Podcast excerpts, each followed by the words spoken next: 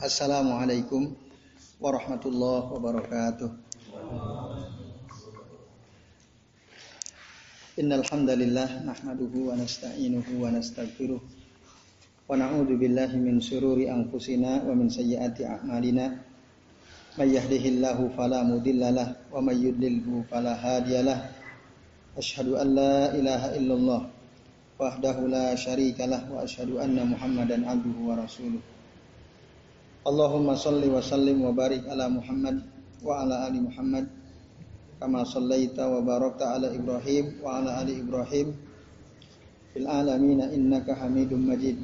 Rabbi israh li sadri wa yassir li amri wahlul 'uqdatam min lisani yafqahu qawli. Amma ba'du, Bapak-bapak dan ikhwas sekalian, rahimani wa rahimakumullah. Semoga kita semua yang hadir di majelis ini senantiasa dirahmati Allah Subhanahu wa taala. Amin ya Allah ya rabbal alamin. Alhamdulillah pada malam ini kita bisa bertemu kembali tentu saja atas izin dari Allah Subhanahu wa taala ya untuk sama-sama ngaji kitab Fadlul Islam ya. Pada pertemuan pekan lalu kita sudah membahas sampai halaman berapa? Teman sekalian halaman 45 ya.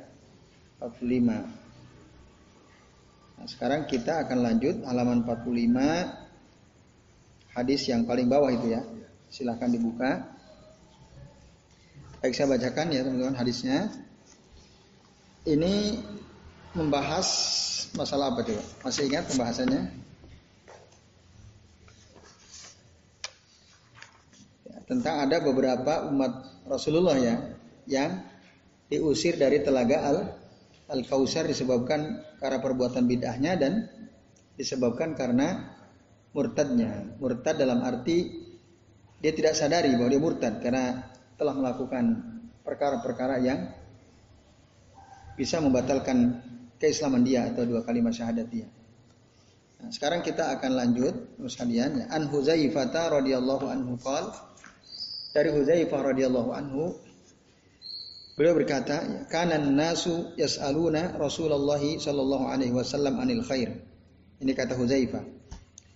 Orang-orang banyak bertanya kepada Rasul sallallahu alaihi wasallam tentang kebaikan. Jadi banyak orang nanya kepada Rasul tentang ke kebaikan. Ya tentu saja memang seharusnya begitu ya kita bertanya yang baik apa, yang paling dicintai oleh Allah apa, yang paling afdal apa khususnya. Tujuannya tentu untuk di diamalkan kan itu. Tapi ada sesuatu yang lain dari dari Huzaifah. Waalaikumsalam warahmatullahi Beliau katakan wa ana as'aluhu anisyar. Tapi saya bertanya kepada beliau kepada Rasulullah tentang keburukan. Jika yang lain nanya tentang kebaikan, saya bertanya tentang ke keburukan. Kenapa kok beliau tanya tentang keburukan? Makhofatan an yudrikani. Karena khawatir keburukan itu ya, mendapatiku atau aku melakukan keburukan tersebut itu maksudnya. Saya khawatir nanti kalau saya nggak tahu, justru saya melakukan keburukan itu. Makanya saya bertanya tentang keburukan kepada Nabi SAW. Fakultu lalu aku berkata kepada beliau, Ya Rasulullah, duhai Rasulullah, Inna kunna fi jahiliyatin wa. Sesungguhnya dulu kami berada di uh, kejahiliahan ya, kebodohan dan keburukan. ana Allahu bihadil khair. Lalu Allah datangkan kepada kami kebaikan ini, yaitu Rasulullah dan Al-Qur'an ya, kitabullah yang Allah turunkan kepada beliau. Nah, itu disebut al-khair kata Huzaifah. ana Allahu biha Allahu bihadil khair. Lalu beliau katakan, "Fahal ba'da hadzal khairi min syarrin?" Apakah setelah kebaikan ini akan ada nanti keburukan? Itu pertanyaan Huzaifah kepada Rasul. Apakah setelah kebaikan ini nanti akan ada keburukan? Qala na'am, iya. Setelah ada kebaikan, setelah Allah turunkan Al-Quran kepada utusannya, kepada Rasulnya, itu kebaikan, tapi nanti akan ada keburukan. Qala na'am kata iya kata Rasul. Lalu fakultu wa hal ba'da syarri min khair? Apakah setelah keburukan ini nanti ada juga kebaikan? Qala na'am. Rasul menjawab iya. Nah, jadi jawaban Rasul sama-sama ada ya teman-teman sekalian. Jadi setelah kebaikan ada keburukan, setelah keburukan juga ada ada kebaikan. Itu yang disampaikan jawabannya oleh Rasulullah SAW. Nah, lalu bapak-bapak dan ibu sekalian, Udzaifah tanya lagi. Uh, dijawab oleh Rasul, "Qala na'am wa fihi dakhonun." Iya, setelah keburukan ada kebaikan tetapi di dalamnya ada dakhon. Nah, ada dakhon. Para sahabat nggak paham apa itu dakhon. Nah, maka ditanyakan lagi. Ya, ditanya lagi oleh mereka, "Kultu wama dakhonuhu." Nah, itu ya. Apa dakhonnya itu? Jadi uh, Bapak ya. Jadi dakhon itu dukhon. Dukhon itu asap ya. Kalau rokok apa rokok bahasa Arabnya? Dukhon itu asap. Rokok sijarah. Sijarah maka si, si, sigaret, sigaret ya. Sigaret itu dari ada yang mengatakan itu sijarah, min, min sijarah. Dari sijarah jadi sigaret. Jadi banyak bahasa Inggris diadopsi dari bahasa Arab sebenarnya. Contoh lain banyak sekali seperti ini. Uh, kornun, kornun itu apa? Kornun itu ini tanduk. Apa bahasa Inggrisnya tanduk? Horn, horn kan? Nah, itu dari bahasa Arab itu. Camel, camel, apa itu camel? Unta itu dari kata jamal, jamal. Mereka bilang camel. Ah itu. Jadi bahasa Inggris sebenarnya banyak yang diambil dari bahasa Arab ya. Nah, sigaret itu dari sijarah. Nah, itu. Maka al itu ummu kulli lugat katanya. Bahasa Arab itu induk segala bahasa. Apalagi bahasa Indonesia ratusan ribu bahasa Indonesia. Banyak sekali. AA jadi tanya. Nah, kita kalau diminta 10 gampang tuh. Ya, rak, rakyat, musyawarah, dewan, apalagi kursi, masjid, bensin, ah, bensin, apa lagi? Alkohol. Alkohol bahasa Arab apa? Lah, lah, lah, lah. Tak lagi saya pun. Ya. ya. Berarti kalau gitu alpukat. lah. Ya. Almari. Oke, itu intinya banyak ya. Bahasa Inggris juga banyak. Nah, tapi makna dukhan, dah, dahkan itu dukhan asap. Nah, maka Rasul menjawab, Naam wa fihi dukhan. Betul, setelah keburukan akan ada kebaikan lagi. Iya, tetapi di dalam kebaikan itu ada dukhan. Artinya apa dukhan itu? Kalau wama dakhonuhu. Apa asapnya? Kenapa disebut asap? Asap itu menyamarkan. Sesuatu yang jelas terang, kalau ada asap jadi jelas atau tidak? Nggak jelas kan? Sama seperti kabut. Kalau antum jalan di oh, jalan aspal gitu yang naik ke Gunung Kaliurang ada kabut. Jelas nggak tuh jalan? Jadi nggak jelas. Asap apalagi nggak jelas. Nah jadi nanti akan ada kebenaran. Tapi di dalam kebenaran itu ada dahonnya. Apa itu dakhonnya? Qala kaumun yastannuna bi ghairi sunnati. Nah, itu ya. Jadi ngeri ini. Dakhonnya itu adalah uh, suatu kaum yang yastannuna mereka ya melakukan atau mempunyai kebiasaan bi ghairi sun sunnati tapi bukan dengan kebiasaan yang diajarkan oleh Rasul Rasulullah Shallallahu Alaihi Wasallam. Nah itu ya bapak-bapak dan ikhwas sekalian. Tapi di kitab antum nggak gitu kan? Lain. Dalam yang lain disebutkan kaumun yahduna bi ghairi hadi. Jadi suatu kaum yang mengambil petunjuk tetapi tidak dengan atau suatu kaum yang berpedoman kepada suatu petunjuk tapi bukan dengan petunjuk dariku. Kaumun yahduna laisa bihadyi. Nah, dalam riwayat yang lain, kaumun yastannuna laisa bisunnati. Itu dakhannya. Jadi ada suatu kaum dari umatnya Rasulullah yang mereka mengambil petunjuk sebagai pedoman hidup mereka tapi bukan dari petunjuk Rasul sallallahu alaihi wasallam. Ikhlas kalian. Padahal sebaik-baik petunjuk itu adalah petunjuk Rasulullah. Kan jelas. Inna khairul hadisi kitabullah wa khairul hadyi hadyu Muhammadin sallallahu alaihi wasallam. Sesungguhnya sebaik-baik perkataan itu kitab Allah. Sebaik-baik petunjuk itu petunjuk Rasul Rasulullah. Tapi nanti di umat Rasul itu ada orang ada kebaikan tapi ada dahan. Dahannya siapa? Yaitu orang-orang yang mengambil petunjuk sebagai pedoman hidup mereka tapi bukan dari petunjuk Nabi Shallallahu alaihi wasallam. Artinya apa? Mereka tidak merujuk pada Quran, mereka tidak merujuk kepada sunnah Rasul Shallallahu alaihi wasallam. Kita merasakan itu atau tidak? Kita merasakan itu atau tidak kira-kira? Sangat terasa, sangat terasa. Ya Coba aja di negara kita ini. Ya. Pedoman yang dipakai oleh negara kita ini apa coba? Kan dari negara-negara sekuler kan?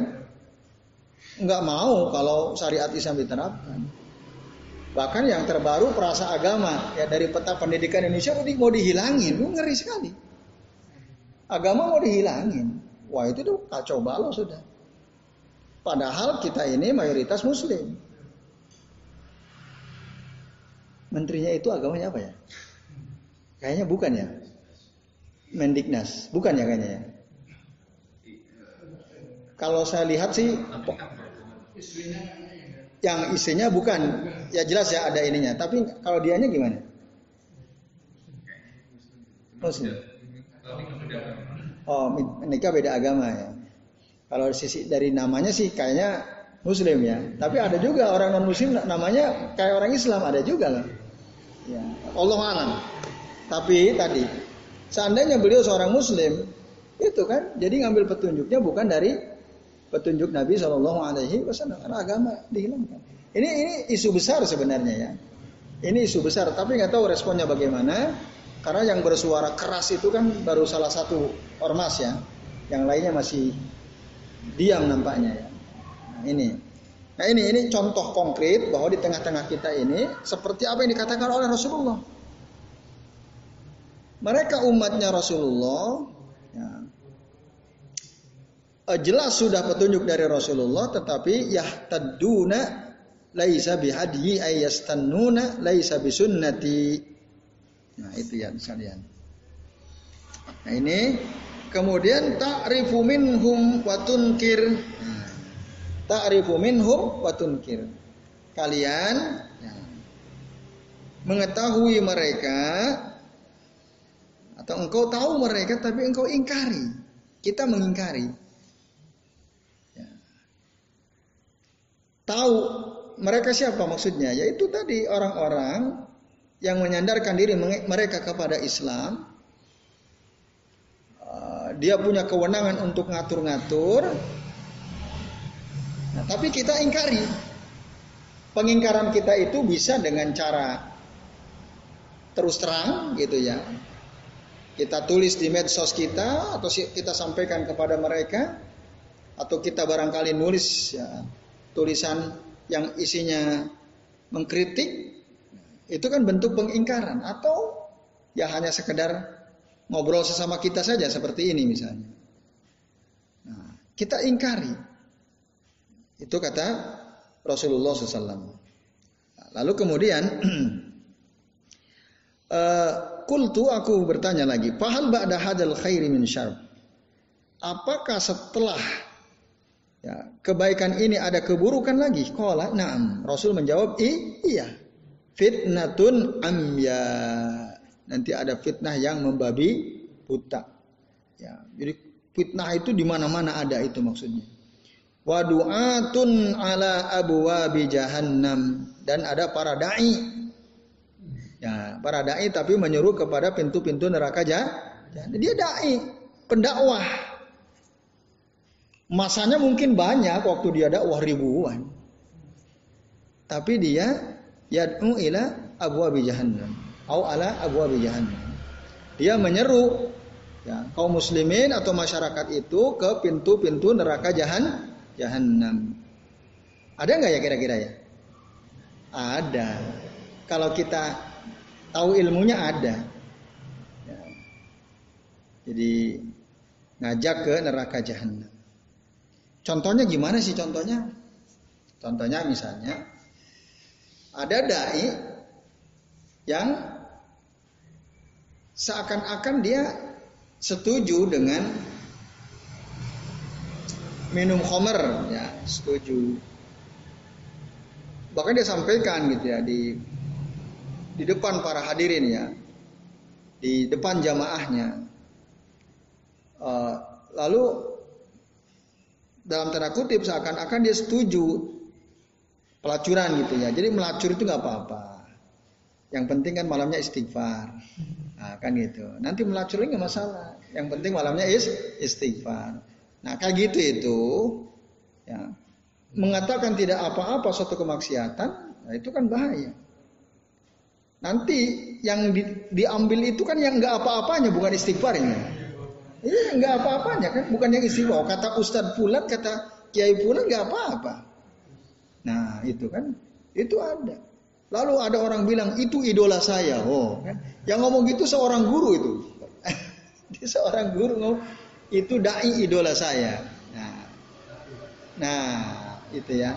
Jadi itu sekalian ada yang dai-dai tapi menyeru kepada neraka jahanam, ke pintu-pintu neraka jahanam. Man ajabahum ilaihi ilaiha qazafu. Barang siapa yang menyambut seruan mereka, niscaya mereka akan melemparkannya ke dalam neraka jahanam. Nanti kalau sudah di akhirat dia protes, ya percuma. Mereka menyesal duhai, kenapa ya dulu saya tidak taat kepada Allah dan Rasulnya. Tapi malah taat kepada kubaro'ana, ya, tokoh-tokoh kami, sadatana, ya, tokoh kami, pembesar-pembesar kami. Kenapa kami tidak atau Allah wa Rasulahu, tidak taat kepada Allah dan Rasul? Menyesal mereka. Waktu di dunia sih udahlah. Saya nderek Kiai Pulan. Gitu ya. Di akhirat baru dia tahu. Nah, ketika itulah mereka memohon kepada Allah, Pak Tihim di faini minan azab. Datangkanlah kepada mereka para pembesar-pembesar kami, kepada tokoh-tokoh kami, azab dua kali lipat. Karena apa? Mereka merasa tertipu taat pada mereka, ngikutin mereka, tapi justru dia diazab. Makanya ente waktu hidup di dunia, kalau kita balikin, ente bilang kan nggak apa-apa. Kalau kiai salah, usahanya salah, nanti usahanya toh yang diazab kita enggak. Siapa bilang? Ente juga diazab. Dan begitu Allah bilang, mereka akan diazab dan mereka menuntut kepada Allah supaya tokoh-tokohnya itu nah, diazab oleh Allah di faini minal adab. Adab dua kali li, lipat. Nah, tidak ada penjelasan di dalam ayat tersebut apakah Allah kabulkan atau tidak. Tapi yang jelas, setiap orang yang menyuruh kepada keburukan, dia akan mendapatkan dosa dari perbuatannya sendiri dan dosa orang-orang yang mengikuti dia. Dia akan tanggung. Artinya tanpa dituntut pun udah ada jelas sudah ada ancamannya. Hah? Parah sekali. Nah, makanya kita itu jangan immaah gitu ya. Jangan im immaah, ikut-ikutan. Ya udahlah terserah Pak Kiai, terserah Ustadz. Pokoknya kami ikut gitu ya. Ya jangan gitu, harus tahu ilmunya. Saya ikut antum tad kalau saya tahu ilmunya. Kalau antum sampaikan kepada saya dalilnya, saya akan ikut antum. Nah, tapi kalau antum ngomong sembarangan nanti dulu saya nggak mau asal ikut-ikutan. Ya bahasa kasarnya kan begitu ya. Nah, walaupun itu tidak perlu dikatakan. Nah, kita harus punya prinsip bahwa siapa pun orang kalau dia mengajak kita kepada kebaikan, ada jelas dasarnya, ada dalilnya, ya kita ikut, kita terima. Tapi bukan karena ustadznya, tapi karena ada dalil yang dijadikan rujukannya. Nah, itu uh, bapak-bapak dan ikhwas sekalian. Nah, itu terus Kultu ya Rasulullah. Lalu aku bertanya berkata lagi kepada Rasul, ya Rasulullah, sibhum lana. Gambarkanlah kepada kami siapa mereka itu. Dai-dai yang mengajak ke pintu-pintu neraka jahanam itu siapa? Ciri-cirinya apa? Tolong gambarkan kepada kami. Qala kaumun min jildatina. Yaitu satu kaum dari bangsa kita sendiri. Kata jildah itu sesungguhnya terus kalian uh, kulitnya. Jildah itu makna asalnya adalah ku, kulit. Gitu. Kaumun min min jildatina. Tapi di kitab itu nggak ada ya? Ada nggak? Kaumun min jildatina. Ada ya? Ada tuh di atas. Wahum humin jildatina. Nah, ada kan? Jadi mereka itu diartikan dari antum lihat halaman 47 baris kedua ya. Mereka itu dari bangsa kita. Kalau bahasa Arabnya di baris kedua halaman 46, hum min jildatina. Wa yatakallamuna bi alsinatina. Dan mereka berbicara dengan bahasa kita. Jadi mereka dari bangsa kita berbicara juga dengan bahasa bahasa kita. Nah, teman sekalian, ini ini yang bahaya. Jadi, ya orang-orang yang berdakwah mengajak kaum muslimin ke pintu-pintu neraka jahanam itu adalah dari orang Islam itu sendiri, itu maksudnya. Dari kaum muslimin sendiri, bukan orang kafir, bukan. Kalau orang kafir kita kan langsung bisa menolak karena kita bisa mengidentifikasi ente kafir nggak mungkin saya ikut ente. Kan gitu. Ya nggak? Tapi kalau orang Islam yang, yang sendiri yang ngomong, apalagi dia ustad, apalagi dia kiai, apalagi dia gus, apalagi? Ah, ah, itu coba. Apalagi lulusan pesantren misalnya, kan banyak tuh ya lulusan pesantren dipercaya tapi ngomongnya ngawur kan gitu lulusan pesantren bencinya ke Arab Saudi nggak ketulungan gitu ya. Jadi kalau ada umroh itu katanya yang untung Arab Saudi nggak usah umroh-umroh. Eh diangkat jadi kedubes ya, kedutaan besar Arab Saudi. Orang yang benci sekali sama Arab Saudi padahal itu ya. Nah, itu. Jadi yang yang bikin kacau itu adalah ya dari kalangan kita sendiri. Bahasanya bahasa kita sendiri. Kalau bahasa dulu ada bahasa Arab. Artinya apa kalau sekarang ya dia bisa bahasa Arab. Bisa bahasa Arab. Karena dari pesantren kan gitu. Nah, itu yang daya rusaknya luar biasa. Daya rusaknya. Jadi masyarakat awam itu kan, wah si Pulan itu jebolan pesantren. Bahasa Arabnya oke okay, bahasa Arabnya. Wah kan ngomongnya gini, ya itu karena dia pinter itulah ngomongnya begitu itu. Gitu. Maka kita ikut dia. Nah ini kan, nah ini yang yang dakhan tuh, dakhan. Mereka itu dakhan ya dakhonil ummah ya. Asapnya umat ya mereka itu. Nah, lalu kemudian kultu fama ta'muruni in adarakani. Aku bertanya lagi kepada Rasul, apa yang kau perintahkan kepadaku jika aku menemui perkara tersebut? Qal Rasul bilang apa? Taljam jama'atul muslimina wa imamihim. Nah, itu kata Rasulullah. Berpegang teguhlah kalian atau kamu dengan jamaah kaum muslimin dan imam-imam mereka, pemimpin-pemimpin mereka. Pertanyaannya ada enggak pemimpin kaum muslimin sekarang ini yang oke okay, gitu. Yang dia berpegang teguh kepada Islam ada enggak? Hah? Sekarang ada enggak? Ada tapi ada tapi kayak enggak ada gitu ya. Ada. Nah, nah samar-samar. Terus kalau kita dengar kata pemimpin tuh siapa kan gitu. Tapi yang jelas perintah Rasul talzamu jama'atul muslimin wa imamihim. Kamu berpegang teguh dengan artinya ber, terus bersama-sama dengan kaum muslimin dan imam-imam mereka, pemimpin kaum muslimin. Nah, lalu ditanya lagi. Huzaifah nanya lagi, "Qultu fa illam yakun lahum jama'atun wala imam?" Jika kaum muslimin tidak ada jamaahnya dan tidak ada imam. Kok bisa nggak ada jamaah kaum muslimin? Bukankah Rasul pernah mengatakan, La tazalu ta'ifatun min ummati zahirina alal haqqi la yadurruhum man khadalahum wala man khalafahum hatta ya'tiya yaumul qiyamah. Kok nggak ada Islam ini kan Huzaifah seandainya jika uh, jamaah kaum muslimin tidak ada, pemimpinnya tidak ada. Maksudnya tidak ada jamaah kaum muslimin yang berpegang teguh kepada Quran Sunnah. Tidak ada para pemimpin yang berpegang teguh kepada Quran dan dan Sunnah. Ada sih ada. Tapi mereka la yatamassaku nabi kitabillahi wala bi sunnati Rasulullah sallallahu alaihi wasallam. Itu gimana? Apa kata Rasul? Pak tazil tilkal firaq. Ya, tinggalkanlah golongan-golongan itu semuanya ya kullaha walau anta bi asli syajaratin meskipun engkau harus menggigit akar pohon hatta yudrikakal maut ya, sampai kematian mendapatimu wa anta ala zalika dan engkau dalam keadaan seperti itu. Maksudnya dalam keadaan berpegang teguh kepada Quran dan sun sunnah. Karena kaum muslimin nggak ada. Pemimpinnya nggak ada yang benar. Itu nanti akan ada.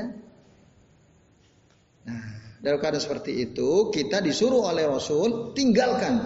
Jangan bergaul dengan mereka, jangan berkumpul dengan mereka.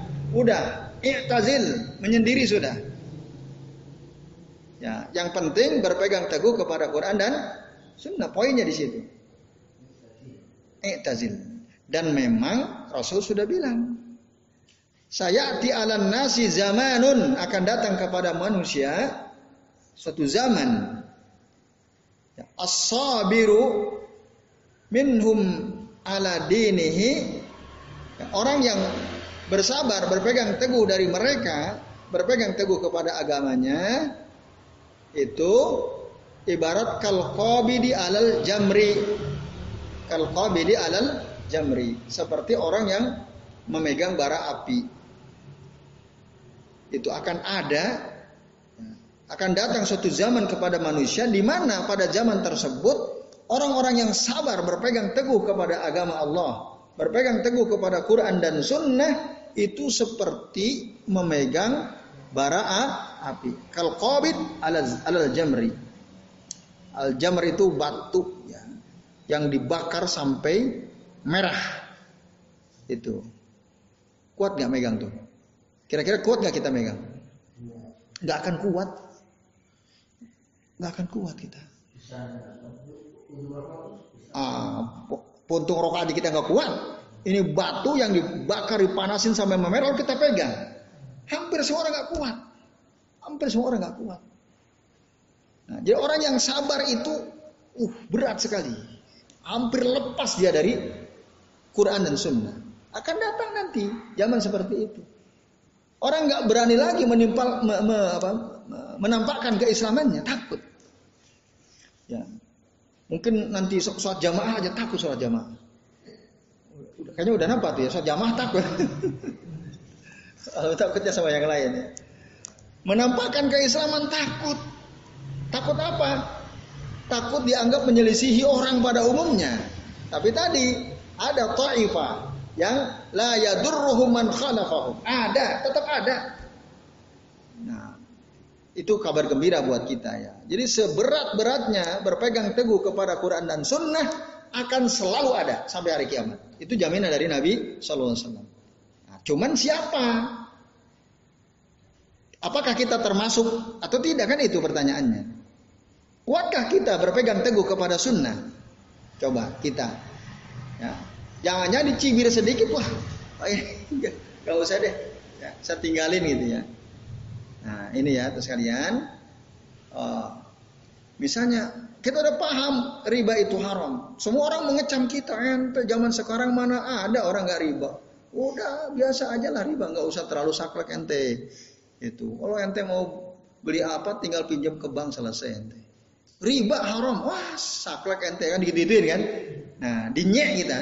Akhirnya oh iya ya oke deh. Daripada saya susah kan oke aja deh. Akan repot tuh. Nah jadi Orang kebanyakan begitu.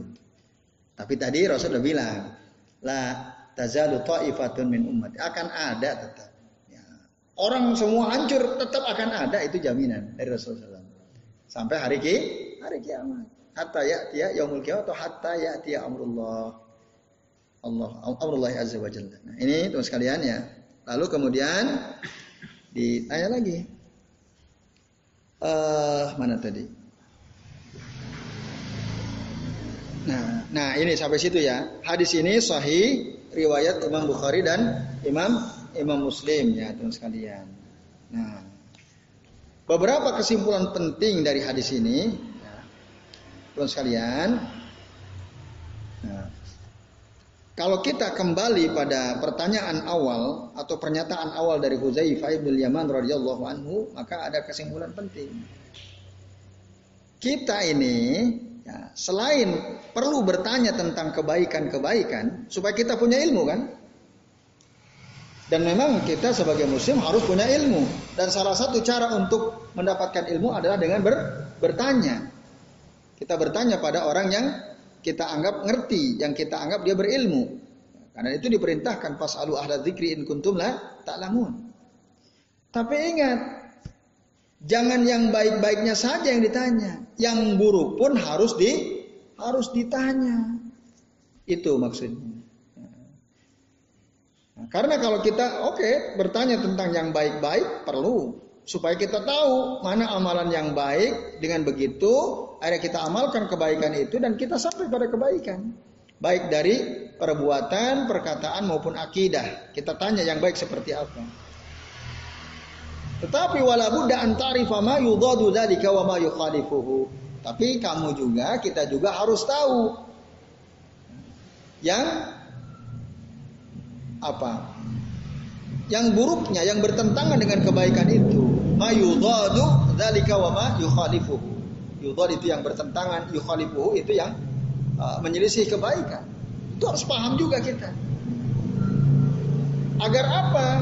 Agar kita selamat dari keburukan tadi. Karena kita udah ngerti, maka kita harus tanya tentang keburukan. Nah, ini teman sekalian ya. Kalau orang tidak tahu yang buruk, dia tahunya yang baik-baik saja, yang buruknya dia nggak tahu. Kata Soleh, parubbama annaka taqa ya, fi asya fi asya tadhhabu bihadzal khair wa anta la tadri. Bisa jadi kamu nanti kalau nggak tahu yang buruk, akan terjerumus kepada keburukan itu. Dengan kebaikan yang kamu punya, tapi kamu nggak ngerti bahwa sebenarnya dari dalam kebaikan yang engkau lakukan juga engkau melakukan satu kebu keburukan. Oleh karenanya harus tahu mana yang baik, mana yang buruk. Contoh, kita penting nggak belajar tauhid? Tak penting. Tapi kita juga harus belajar tentang syirik. Gitu. Kalau kita belajar tauhid terus, enggak mempelajari yang buruknya, yang syiriknya, nah, kan kita berusaha mentauhidkan Allah, tapi di sisi yang lain kita juga melakukan kesyirikan, kan repot itu. Nah, ini hancur semua. Maka harus tahu, ya, syirik macam-macamnya apa, dosa besar itu apa saja, keburukan dalam Islam itu apa saja, harus kita pelajari. Dua-duanya harus pelajari, kebaikan harus pelajari, keburukan juga harus dipelajari. Tapi bedanya kalau kebaikan dipelajari untuk diamalkan, kalau keburukan dipelajari untuk diting ditinggalkan. Maka seorang penyair mengatakan, Arab tu asyarra la. Arab tu asyarra la. Aku tahu keburukan bukan untuk keburukan, lakin akan tetapi li uh, ya supaya bisa berlindung menjaga diri dari keburukan itu. Waman lam ya'rif as-sarra barang siapa yang tidak tahu keburukan minal khair ya dari kebaikan yaqa'u fihi dia akan jatuh kepada keburukan itu. Itu kata seorang penyair. Artinya kita itu harus tahu keburukan bukan untuk keburukan itu sendiri supaya kita menjaga di menjaga diri. Nah, itu ya kata seorang penyair. Nah, Bapak Ibu dan ikhlas sekalian, azan Allah wa iyyakum ajmain. Nah, oleh karena itu kita harus sekali lagi di samping belajar kebaikan, kita juga harus belajar ke keburukan. Nah.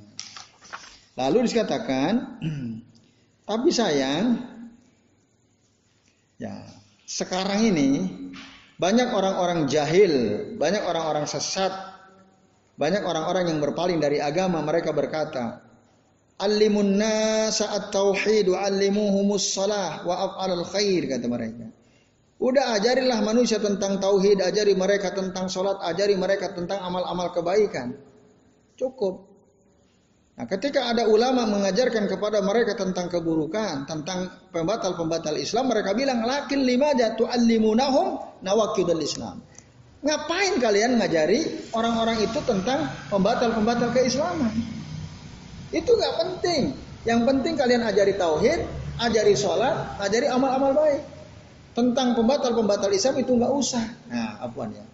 Kitab ini, kitab ini, itu termasuk daftar kitab Nawakidul Islam. Itu pernah ada rilis yang saya baca. Di Indonesia itu ada beberapa yang dilarang kitab untuk dipelajari. Di situ ada aparat ininya, capnya ya. Nah salah satu yang nggak boleh dipelajari adalah kitab Nawakidul Islam itu. Karena akan melahirkan ekstremisme ya. Itu. Itu padahal itu penting. Kalau kita nggak ngerti ya gimana? Insya Allah nanti setelah kita bisa selesai ya kita akan pelajari itu.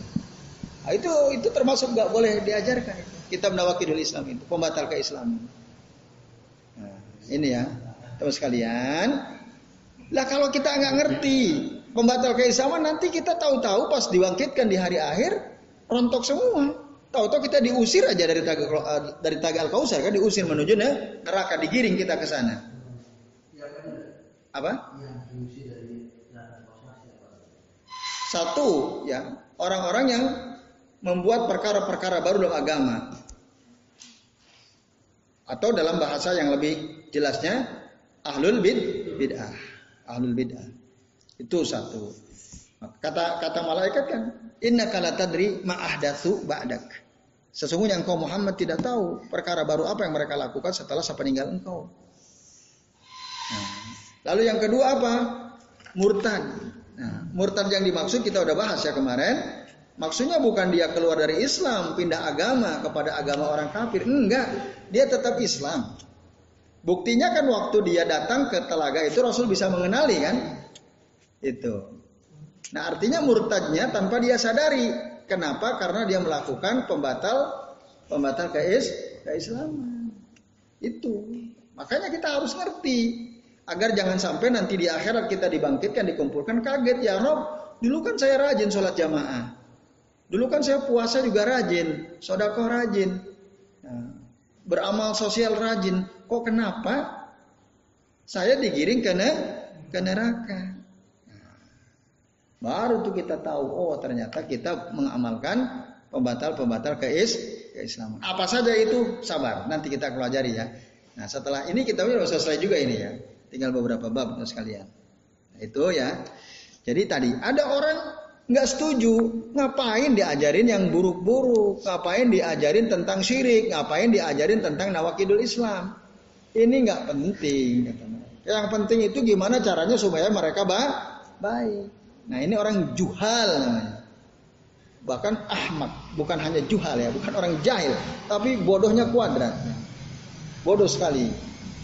Yang mengatakan nggak perlu ngajarin yang buruk-buruk itu orang bodoh sekali.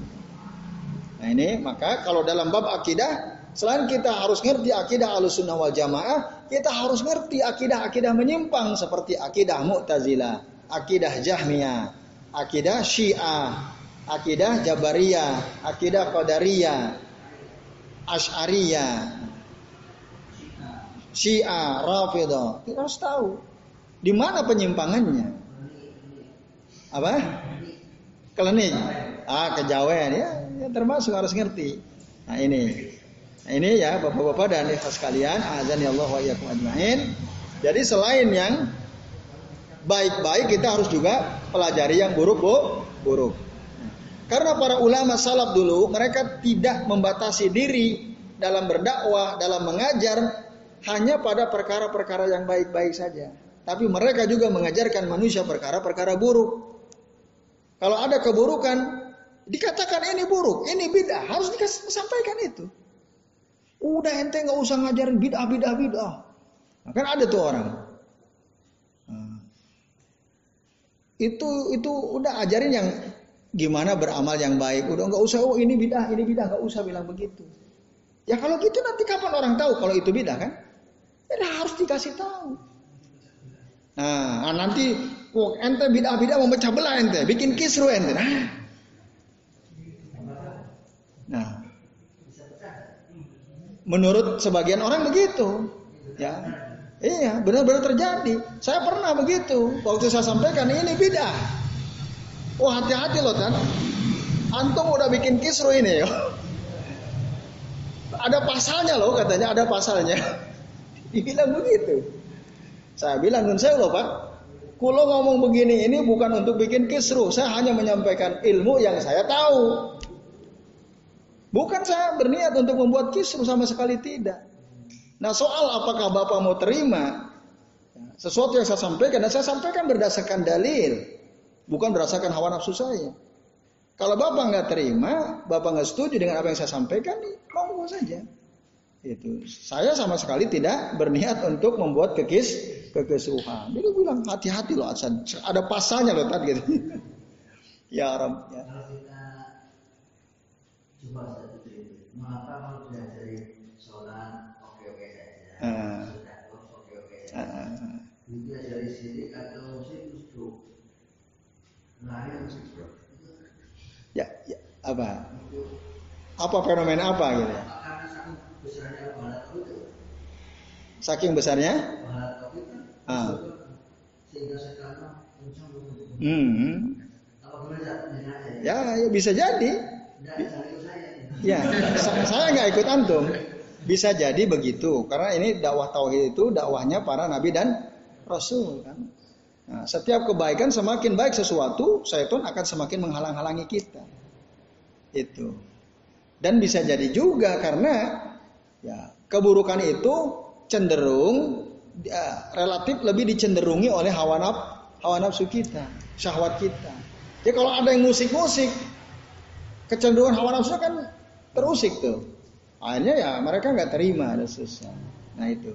Nah segala macam keburukan itu disukai oleh hawa hawa nafsu. Nah sesuatu yang disukai oleh hawa nafsu kalau kita singgung, maka orang akan marah. Ya setidak-tidaknya dia akan protes dalam hatinya. Oh, apa sih iki dan seterusnya. Wis nggak usah, nggak usah ngaji neng kono, nggak usah di sana karena gini gini gini gini gitu kan. Nah, ini ya sekalian itu ya. Jadi nah, sekali lagi tadi bahwa para ulama mencontohkan kepada kita bahwa selain kita harus mempelajari kebaikan, kita juga harus mempelajari kebu keburukan. Poinnya di situ ya. Apa yang di, uh, dikemukakan oleh Huzaifah ibn Yaman ya, yang dicontohkan beliau kepada kita adalah itu. Supaya kita jangan hanya belajar kebaikan, tapi kita juga harus belajar kebu keburukan. Nah ini terus sekalian. Nah, kalau kita sudah tahu keburukan, ya, nah, maka kita harus siap-siap sebagai Muslim kita siap-siap menghadapi keburukan itu menghalau keburukan itu supaya apa? Supaya keburukan tidak datang menyerang kita kaum muslimin. Harus dilawan. Nah, itu ya. Kalau kita biarin bahaya. Contoh gini ya di, di, di masyarakat itu. Kalau kita bilang ada orang misalnya, ada seorang wanita, saya sering tuh melihat, ya tidak sering-sering banget sih. Ada orang gitu ya, tanpa malu-malu perempuan berpakaian sangat minim di ruang publik kan. Pernah lihat nggak? Sering lihat kita kan? Ya artinya memang ada itu kan suatu fenomena yang sangat lumrah. Kita lihat. Ya itu. Lalu kalau kita ingatkan kita bilang ini nggak benar. Kira-kira orang-orang protes nggak? Pasti ada orang banyak protes. Ya. Pasti kalau kita foto tuh orang, lalu kita komentari di medsos kita, di Twitter kita misalnya, itu pasti diserang tuh kita. Pasti diserang. Nah, passionnya. Oh, nah, ini ya. Karena apa ya itu hawa nafsu kan? Senangnya hawa nafsu. Kalau kita katakan itu buruk, mereka akan tolak. Mereka akan buru-buru nyerang kita, sekalian. Nah ini, nah itu fitnah ya, yang betul-betul terjadi di tengah-tengah kaum muslimin. Nah, dan sayangnya itu dan lebih sayang lagi yang begitu itu umat Islam juga gitu kan repot sekali. Terus nanti ada usahanya bilang enggak apa-apa masih muda kan misalnya. Wong dia ketika dulu ada pedangdut kan, dangdut goyang ngebor itu kan. Nah kan, ah itulah. Kan ada yang bela kan, ada kiai bela kan. Enggak apa-apa dia cari uang kan gitu. Kan ngeri itu. Nggak apa-apa, dia kan cari uang. Nah, padahal dia dianggap tokoh orang ngerti. Akhirnya kan yang dibela jadi tambah seneng, pengikutnya banyak juga kan gitu. Nah. Itu masuk para yang Iya, itu. Para dai yang menyeru kepada pintu-pintu neraka jahanam. Yang tadi yang membenarkan ya menganggap enggak apa-apa itu kan cari uang kan nggak apa-apa. Itu melacur nggak boleh jadi pelacur, nggak apa-apa dia kan punya anak. Siapa yang ngasih makan anaknya kalau bukan ibunya? Wong ibunya bisanya cuma begitu ya nggak masalah. Nah, repot kan? Apa pekerjaan hanya itu? Padahal rezeki Allah itu luas. Nah, karena itu sesuai dengan hawa nafsunya, jadi mereka bilang nggak ada apa, nggak masalah. Nah itu dai-dai yang berbahaya itu dahnun itu, yang kayak gitu itu. Ya, jadi yang hak tidak dikatakan hak, tapi yang batil dikatakan nggak apa, nggak apa-apa. Ini berbahaya sekali ya, misalnya. Ya. ya.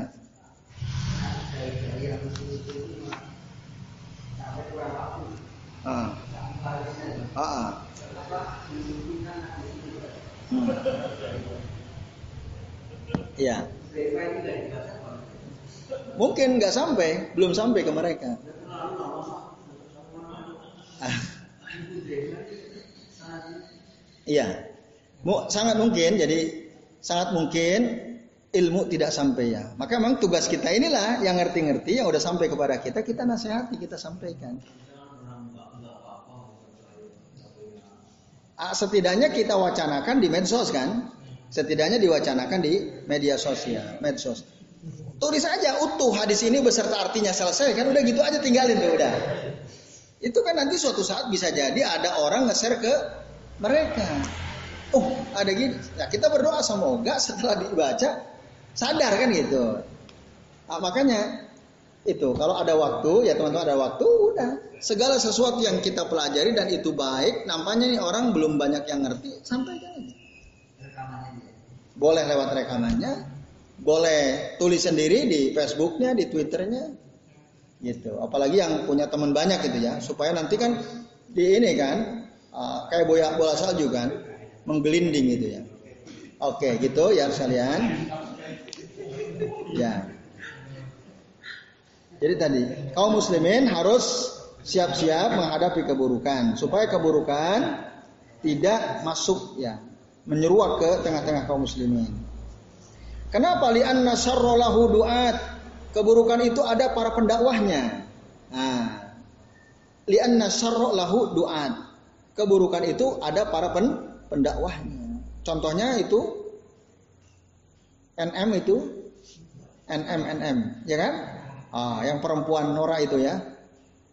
Ah, pikir sendiri NM itu siapa itu ya? itu Iya. Nah itu dua, besar itu ya. Ah, gue. Itu kan ah yang bilang nggak apa-apa aku di neraka nanti aku bikin konser di neraka katanya kan. Nah itu kan dua besar itu kan yang kayak gitu itu. Ya termasuk yang ditulisan di kaos itu di kaos kan. Yang jika surga adalah milik kaummu, biarkan kami masuk dalam ke dalam neraka yang dengan kebinekaan kan itu. Ya itu kan doa tusyar kayak gitu itu. Nah itu doa tusyar. Itu para dai banyak sekali. Nah, bukan kita loh, bukan kita. Ya, ya. jangan kita ya, jangan kita. Nah, ini ya. Oke, itu Bapak-bapak dan ikhwas sekalian. Jadi keburukan itu ada para pendakwahnya, ada dai-nya. Bahkan disupport juga itu yang parah tuh. Ya disupport juga ya. Ngeri itu ya. Nah, dan mereka itu ya harisuna ala rawajihi wa yuzayyinunahu bi zukhrufil qawli wa bil ibarati arranna ya. Arranna ya. Jadi mereka itu sangat semangat membawa keburukan tadi, mendakwahkan keburukan tadi supaya keburukan masuk ke tengah-tengah kaum muslimin dan mereka menghiasinya dengan kata-kata indah padahal bohong dengan kata-kata indah padahal bohong. Tadi kan nampaknya indah sekali kalau memang surga milik kaummu, biarkan kami di neraka dengan kebinekaan. Nampaknya indah kan itu? Itu zuhrufal kaul itu. Kalau dia dimasukin ke neraka, jungkir balik dia, kapok dia. Kan jelas ayatnya, ya. Ayatnya jelas sekali. Nah, jadi mereka itu, nah, nah kan ada tuh. Apa mangkana mu'minan Kamang kana fasiko la yastawun. Amal ladina amanu wa amilus salihati pamak wahum. Ah, pamak wahu apa? Panasir masih ingat? Amal ladina amanu wa amilus salihat pamak wahumul jannah ya. Bima kanu ya'malun ya. Wa amal ladina fasaku dan adapun orang-orang fasik itu pamak wahumun nar. Kullama setiap kali mereka aradu ayyakhruju minha, aradu ayyakhruju minha, nu'idu fiha. Setiap kali mereka ingin keluar dari neraka, artinya nggak kuat di neraka. Orang fasik itu siapa? Orang yang tahu yang benar tapi ditinggalkan kebenaran. Kullama aradu an yakhruju minha minan nar ya. Fiha dibalikin lagi. Mungkin seandainya neraka itu ada tebingnya, dia naik ke atas tebing, pas udah mau keluar tendang lagi, jungkir balik lagi. Begitu terus bolak-balik dia. Uidu fiha. Wakila lahum lalu dikatakan kepada mereka apa katanya? Ah, wa kullama aradu ay yakhruju minha uidu fiha wa qila lahum zuqu zuqu azaban naril ladzi kuntum bihi tukadzibun. Nah, rasakan kalian rasakan adab api neraka ini yang dulu kalian dustakan itu. Rasakan. Kan dianggap remeh neraka. Nanti dia jungkir balik itu. Nggak bisa keluar. Nah itu ya. Jadi teman sekalian, para dai-nya banyak, semangat mereka. Ya, mereka menggoda orang-orang ya, menghiasi perkataan mereka dengan perkataan yang baik padahal penuh kebohongan. Nah, ini Bapak-bapak dan ikhwas sekalian, azan ya Allah wa iyyakum ajmain. Nah, itu ya. Saya kira ini yang bisa kita bahas ya. Nanti insya Allah kita lanjut lagi. Jadi ada beberapa faidah lain yang penting dari hadis Huzaifah ini. Oke terus kalian, karena sudah jam 10 kita cukupkan sampai di sini. Insya Allah nanti kita lanjut lagi. Sebelum diakhiri, ini jam 10 pas ya. Benar? Jam 10 pas. Monggo barangkali ada yang mau bertanya. Monggo, Pak Wikan. Ya. Fa inna kala tadri ma ada subak ada kain. Ya. Seperti ini sholat Ah. Nah, itu saya katanya itu empat nama sahabat saya pernah ada yang mengakui. Ah. Nah, itu sama kalau sekarang itu berarti kan perkara itu ya kan hmm. orang sudah termasuk nanti masuk ya dia di sini. Oke. Okay. Ya, kan di, ya. Diusir dari telaga kan kita mesti itu. Iya. iya. Kan Gak pernah terjadi. Iya, iya. Nah ini, ini kayak gini ini. Bisa jadi kita yang awam, yang awam itu kan ya udah manut aja kan. Apalagi ini kata pemimpin, nah itu repot lagi. Dan itu nanti yang mengatakan itu malah dari itu yang Nah, Ya bisa jadi, bisa jadi, betul. Karena tadi faktanya Rasul nggak pernah nyuruh renggangkan soft. Dulu penyakit menular ada, banyak hadisnya. Ya kan? Larilah kalian dari penyakit kusta sebagaimana kalian lari dari singa kan? Firaraka minal asad. Itu. Tapi apakah karena sekarang lagi ada pandemi kita sholatnya direnggakan? Rasul pernah bilang begitu? Kan nggak pernah ada satupun dalil ya yang menyuruh kita untuk merenggak. Yang ada itu rusuh, rusuh itu rapatkan, sawu itu luruskan. Yang ada itu. Ya. Itu yang disuruh oleh Rasul. Kok disuruh? Itu di Arab Saudi piye? Nah, itu dalil. Mereka jadikan itu dalil kan? Kalau sekalian, bapak dan ikhlas kalian, ya, dalil itu dari hadis Nabi SAW. Dari hadis Nabi. Kalau toh memang ada istisna misalnya, ada pengecualian, ya itu harus pakai dalil juga misalnya. Harus pakai dalil juga. Nah sementara perbuatan seseorang, perbuatan suatu kaum itu tidak bisa mutlak menjadi dalil. Itu perbuatan suatu kaum ya, tidak meskipun kaum itu ada di sana misalnya, itu bisa kita tolak, bisa kita terima. Yang wajib kita terima kan jelas kata Imam Malik apa? Kaulu ar-rajuli yuraddu wa yukbal ya. Perkataan seseorang itu bisa ditolak, bisa diterima. Illa qaulu hadar rajul atau illa qaulu sahibu hadhihi al-maqbarah. Kecuali perkataan orang yang ada di kuburan ini. Maksudnya Rasulullah SAW. Waktu itu Imam Malik ngomong begitu di samping kuburan Rasul Sallallahu Alaihi Wasallam. Kalau orang ngomong, bisa kita terima, bisa kita tolak. Begitu juga perbuatan suatu kaum bisa kita terima, bisa kita tolak. Kecuali perkataan Rasul Sallallahu Alaihi Wasallam. Tentu saja yang hadisnya hadis makbul ya itu. Ashabul kubur. Kaulu rojul yuraddu wa illa kaulu sahibi hadal qabr atau illa kaulu sahibi hadhihi al makbarah. Ya, perkataan seseorang itu bisa ditolak, bisa diterima kecuali perkataan orang yang ada di kuburan ini. Maksud Rasulullah SAW. Itu. Nah, jadi ya itu bisa jadi Pak Wikan, bisa jadi. Maka orang-orang awam itu kan takut. Kadang-kadang orang yang udah tahu ilmunya aja, kadang-kadang takut menyinggung kan. Dia sebenarnya nggak mau kalau renggang, tapi dia takut nyinggung takmirnya gitu orang seterusnya kan gitu. Ya kayak di tempat antum lah misalnya kan. Nah, sampai sekarang kan masih masih renggang kan.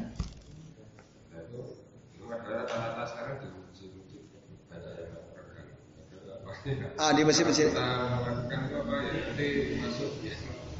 Kalau kalau bukan kalau kita sebenarnya nggak setuju, tapi karena kebijakan pengurus takmir harus renggang, lalu kita akhirnya renggang, itu kita tidak termasuk tentu saja. Karena kita asalnya kan mengingkari itu kan. Tapi karena semua orang renggang kita mau rapat malah aneh nanti kan. Kecuali ada beberapa teman kita masuk situ bertiga misalnya kita rapetin yuk, yang lain renggang kita rapat. Ya paling nanti ditegur sama orang. Kalian gimana? kan gitu paling. Nah ya itu ya ini ini fitnah. Ini ngerinya ini jadi fitnah agama ngerinya. Karena Rasul bilang apa? Doanya Rasul kan apa? Allahumma la taj'al musibatana fi dinina wa la taj'al dunya akbar hammina wa la mablagha ilmina wa la tusallit alaina man la yarhamuna. Ya Allah, janganlah engkau jadikan musibah menimpa agama kami. Apa sih musibah agama? Ya ketika ada kesyirikan, ketika ada bid'ah. Itu musibah agama. Ketika orang berani menyelisihi Rasul sallallahu alaihi wasallam. Kan ayatnya jelas sekali lah Wa may yusakikir rasul mimba di mata bayyana lahul huda. Barang siapa yang menentang Rasul setelah datang kepada mereka keterangan dari petunjuk wa yattabi ghaira sabilil mu'minin lalu dia mengikuti jalan yang bukan jalannya orang-orang beriman nuwallihi ma tawalla wa nuslihi jahannam wa sa'at masira. Nanti kami akan palingkan dia kepada kesesatan yang dia cenderung kepadanya. Dan kami akan masukkan dia ke dalam neraka jahanam dan itu ada seburuk-buruk tempat kembali. Jadi kita yang nyelisih sunnah Rasul berarti yusakikir Rasul menentang Rasul. Nah nanti nyimpang terus tuh gitu kan ngeri sekali kan. Nah tadi setidaknya kita tahu, oh ya Allah saya, saya setuju sebenarnya. Nah, kita kita katakan seperti itu ya. Yaitu Pak Wikan. Nah, jadi tadi memang kita uh, harus kembali kepada Rasul jangan sampai yahtaduna apa tadi? Yahtaduna laisa bihadi yastannuna laisa bisunnati. Mereka mengambil petunjuk sebagai pedoman hidupnya bukan dari pedomanku tapi pedoman WHO. Ya kan? Itu. Iya enggak? Ah, kan itu. Yastannuna laisa bisunnati. Bukan sunnah Rasul yang diambil tapi sunnahnya yang lain. Itu kan ngeri kan? Ini hadis ini luar biasa ini ya, hadis Hudzaifah ini. Jadi ikhtiar kita ya kita harus patuh. Maksudnya? Ya, banyak masjid ya, kita cari masjid ya. Ya, kalau bisa gitu, kalau bisa. Ada beberapa teman saya gitu. Ya, jadi saya berkunjung ya ke teman, terus waktu zuhur, oh, sholat mas mana? Di masjid sana, oh jangan, sana renggang, sana jangan. Kita di sana aja, kenapa? Di sana rapat alhamdulillah. Akhirnya sholat ke sana. Milih mana yang rapat di antara mesin-mesin sekitar itu. Ya itu. Ya sikap yang terbaik ya begitu. Cari ya tempat yang mesinnya rapat. Ya kalau kita pengurus, ya kita berusaha sama-sama pengurus yuk kita rapatkan. Kita rapatkan. Itu. Oke, itu Pak Wika. Allah taala alam Masukan sama SAS. Ah. Ah. Oh boleh lah. Pak Pak Nasir aja yang senior itu ya. Yang lebih mantap itu ya. Oke. Ya siapa saja lah intinya ya kita menyampaikan kepada kaum kaum muslimin. Nah itu ya. Jadi hadis Huzaibah ini sering kali yang yang keluar itu dipotong, nggak nggak utuh, nggak seutuh ini. Ya. Pada umumnya yang saya temukan hadis dari Huzaibah ini hanya sampai mahopatan an yudrikani sampai situ ya. Karena nasu yas'aluna Rasulullah Rasulullah sallallahu alaihi wasallam anil khairi wa ana as'aluhu anil syarri makhofatan an yudrikani. Sampai situ aja. Lanjutannya ini yang agak panjang ini. Ya, enggak, enggak itu. Ini kan lengkapnya sampai itu. Kalau kita baca lengkap, kan ada wadu'atun, ada abu jahan, ada abu jahan. Nah, itu. Ya utuh sampai ini dan ini hadis sahih riwayat Imam Bukhari dan Imam Muslim. Nah ini dan banyak faedah penting dari hadis ini. Ya semoga kita bisa lanjut nanti di pekan yang akan datangnya supaya lebih utuh faedah-faedah yang kita bisa ambil dari hadis Hudzaifah ini. Dan tentu saja supaya kita peka ya. Mana yang baik, mana yang buruk ya bisa membedakan dengan uh, jelas. Nah, ini baik, ini buruk khususnya. Uh, semoga hati kita bersih karena nanti kalau hati udah kotor udah nggak bisa bedain. La ya'rifu al-ma'ruf wa la yunkiru al al-munkara. Tidak tahu yang baik, tidak yang buruk. Nah, itu udah kotor. Semoga kita tidak demikian ya. Semoga kita bisa terus membersihkan hati kita dari kotoran-kotoran kesyirikan, dari kotoran-kotoran subhat ya, yang ada di tengah-tengah kita. Baik teman sekalian, ini saja. Sebelum waktu saya kembalikan ke Mas Yoyo selaku pembawa acara. Saya mohon maaf ya jika apa yang saya sampaikan ada kesalahan. Mohon dibukakan pintu maaf yang sukses-suksesnya. Nah, saya akhiri. Wassalamualaikum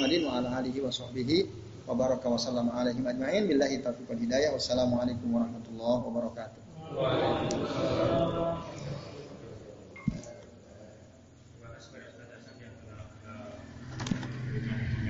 Semoga apa yang disampaikan beliau uh, bisa menambah